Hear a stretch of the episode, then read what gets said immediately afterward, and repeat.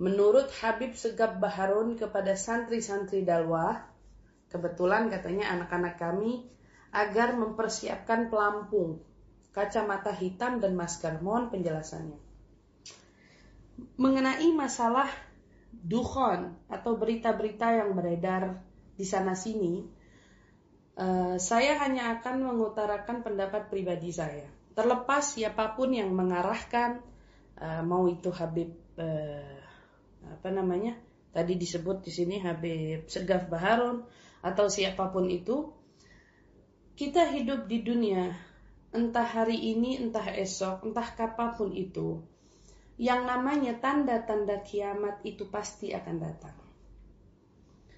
Maka baiknya bagi saya daripada kita terlalu memikirkan ya, mau itu sifatnya dukhon mau itu apa pun bentuknya. Uh, misal contohnya dulu zamannya gempa, kita tidur dibikin gak nyenyak hanya karena khawatir isu yang merebak akan terjadinya gempa di Jakarta.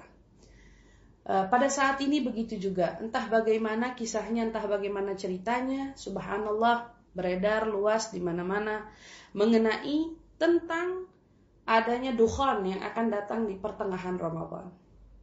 Allah a'lam bishawab saya bukan tim ahli dalam menerangkan masalah itu, tapi nasihat atau pribadi dari pendapat saya, saya tidak mau terlalu ambil pusing mengenai pendapat-pendapat yang seperti itu. Maka apa yang akan saya lakukan? Saya akan mengintrospeksi diri sendiri dengan adanya wabah ini saja masalah kita tidak selesai-selesai. Maka jangan mengalihkan atau jangan juga kita terbebani lagi dengan berita-berita yang belum tentu kebenarannya.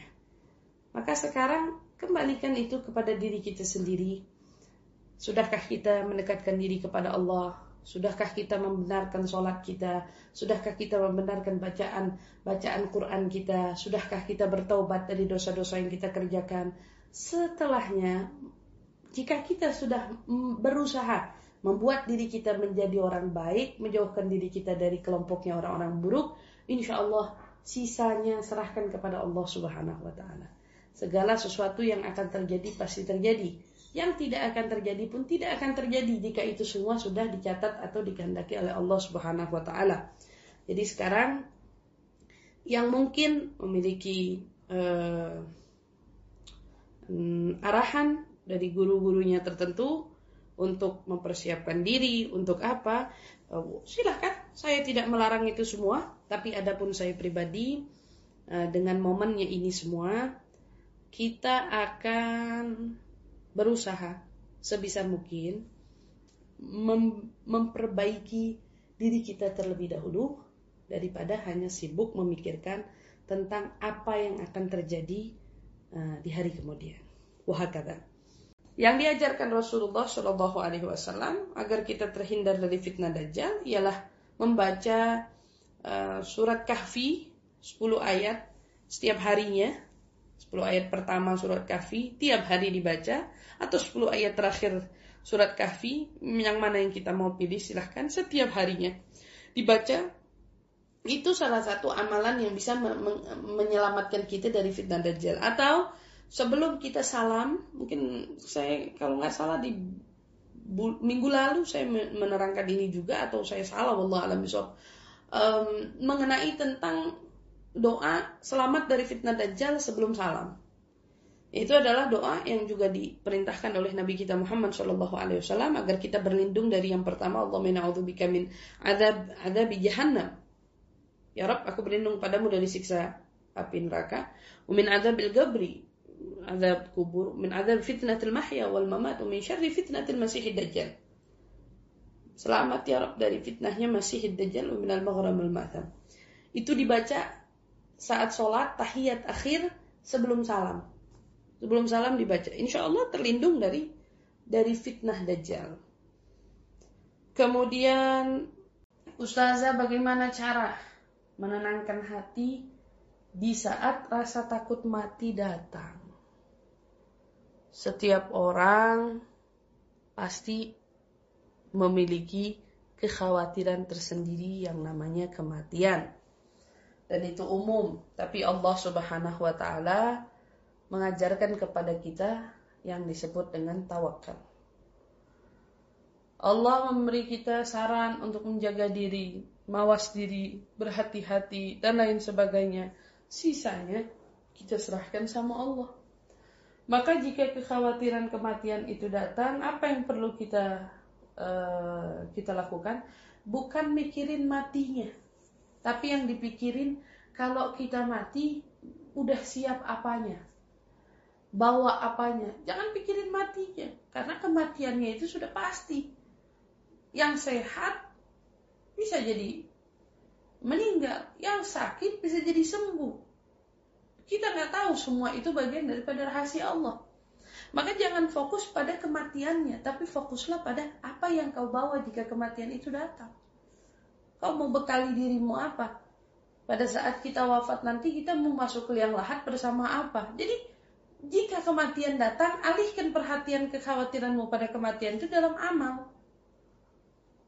Hati tiba-tiba datang, Allah, takut malam ini wafat, takut malam ini. Apa yang kau kerjakan?